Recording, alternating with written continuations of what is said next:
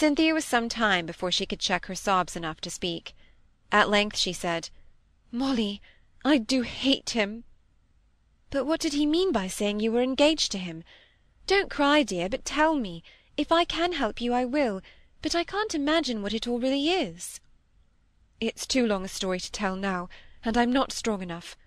Look, he's coming back. As soon as I can, let us get home." "With all my heart," said Molly. He brought the water, and Cynthia drank, and was restored to calmness. "Now," said Molly, "we had better go home as fast as you can manage it. It's getting dark quickly." If she hoped to carry Cynthia off so easily, she was mistaken. Mr. Preston was resolute on this point. He said, "I think, since Miss Gibson has made herself acquainted with this much, we had better let her know the whole truth, that you are engaged to marry me as soon as you are twenty. Otherwise your being here with me, and by appointment too, may appear strange, even equivocal to her." "As I know that Cynthia is engaged to—another man, you can hardly expect me to believe what you say, Mr. Preston." "Oh, Molly!" said Cynthia, trembling all over, but trying to be calm. "I am not engaged, neither to the person you mean, nor to Mr. Preston." Mr. Preston forced a smile. I think I have some letters that would convince Miss Gibson of the truth of what I have said, and which will convince Mr. Osborne Hamley, if necessary.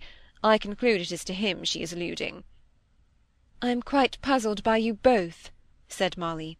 "The only thing I do know is, that we ought not to be standing here at this time of evening, and that Cynthia and I should go home directly. If you want to talk to Miss Kirkpatrick, Mr. Preston, why don't you come to my father's house, and ask to see her openly, and like a gentleman?" "I am perfectly willing," said he. "I shall only be too glad to explain to Mr. Gibson on what terms I stand in relation to her. If I have not done it sooner, it is because I have yielded to her wishes." "Pray, pray don't. Molly, you don't know all, you don't know anything about it. You mean well and kindly, I know, but you are only making mischief. I am quite well enough to walk. Do let us go. I will tell you all about it when we are at home." She took Molly's arm and tried to hasten her away, but Mr. Preston followed, talking as he walked by their side.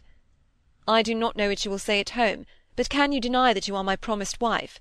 Can you deny that it has only been at your earnest request that I have kept the engagement secret so long?" He was unwise. Cynthia stopped and turned at bay.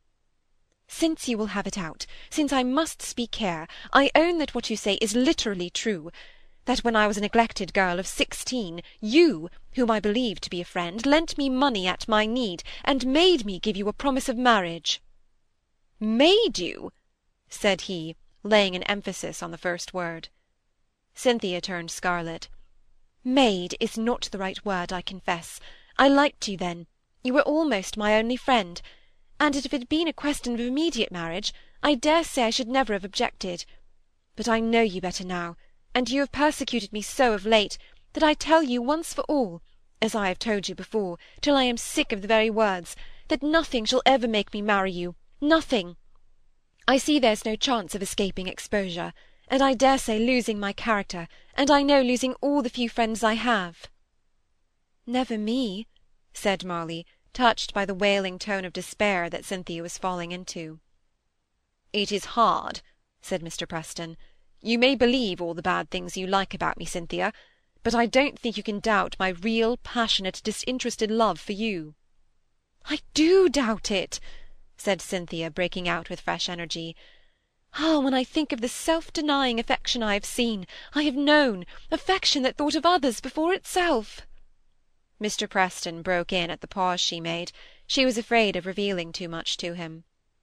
You do not call it love which has been willing to wait for years, to be silent while silence was desired, to suffer jealousy and to bear neglect, relying on the solemn promise of a girl of sixteen, for solemn, say flimsy, when that girl grows older.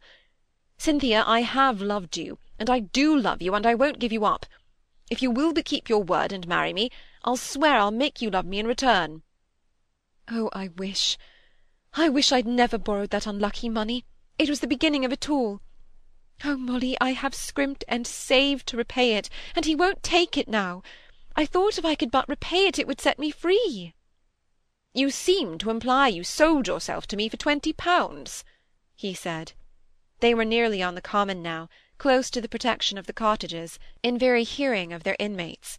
If neither of the other two thought of this, Molly did, and resolved in her mind to call in at one of them, and ask for the labourer's protection home. At any rate, his presence must put a stop to this miserable altercation. "I did not sell myself. I liked you then. But oh, how I do hate you now!" cried Cynthia, unable to contain her words. He bowed and turned back, vanishing rapidly down the field staircase. At any rate, that was a relief. Yet the two girls hastened on, as if he was still rapidly pursuing them. Once, when Molly said something to Cynthia, the latter replied, "Molly, if you pity me, if you love me, don't say anything more just now. We shall have to look as if nothing had happened when we get home. Come to my room when we go upstairs to bed, and I'll tell you all. I know you'll blame me terribly, but I will tell you all."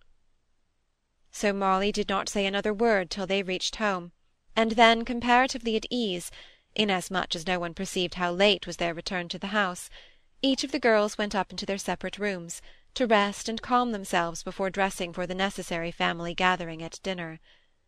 Molly felt as if she were so miserably shaken that she could not have gone down at all, if her own interests only had been at stake.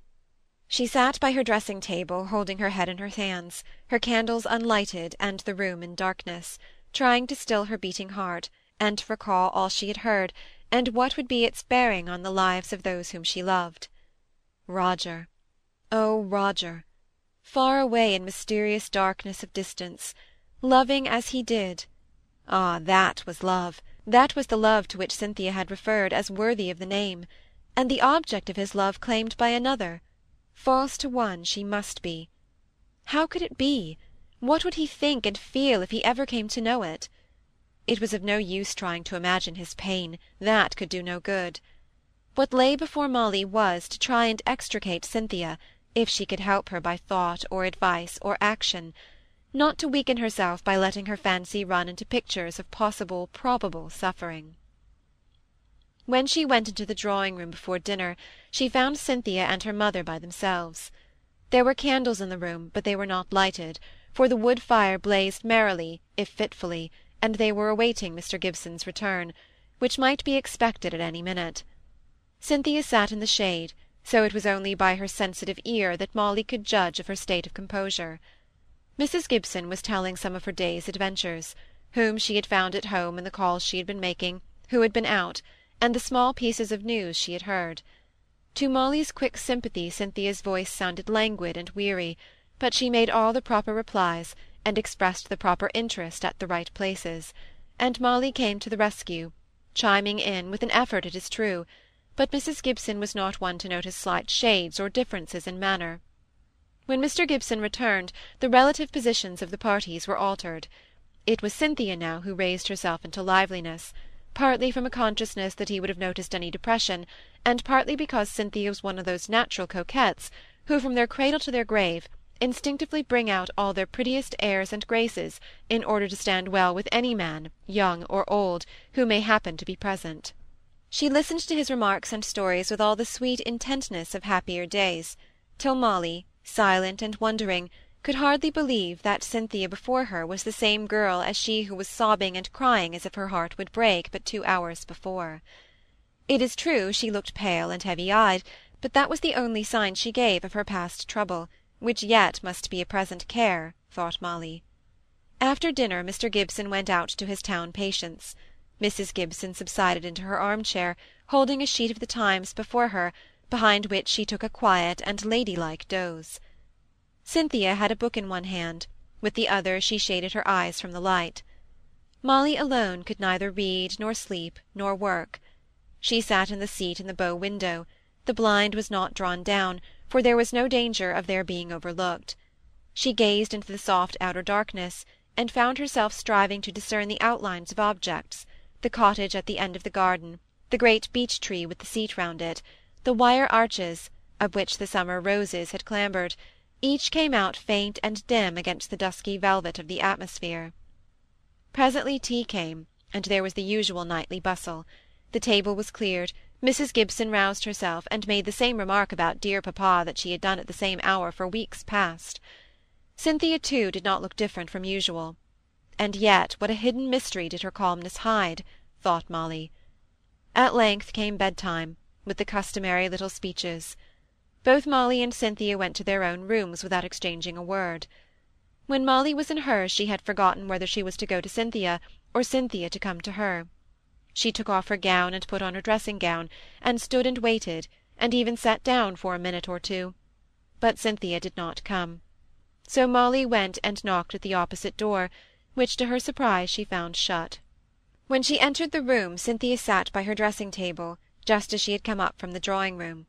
She had been leaning her head on her arms, and seemed almost to have forgotten the tryst she had made with Molly, for she looked up as if startled, and her face did seem full of worry and distress. In her solitude she made no more exertion, but gave way to thoughts of care.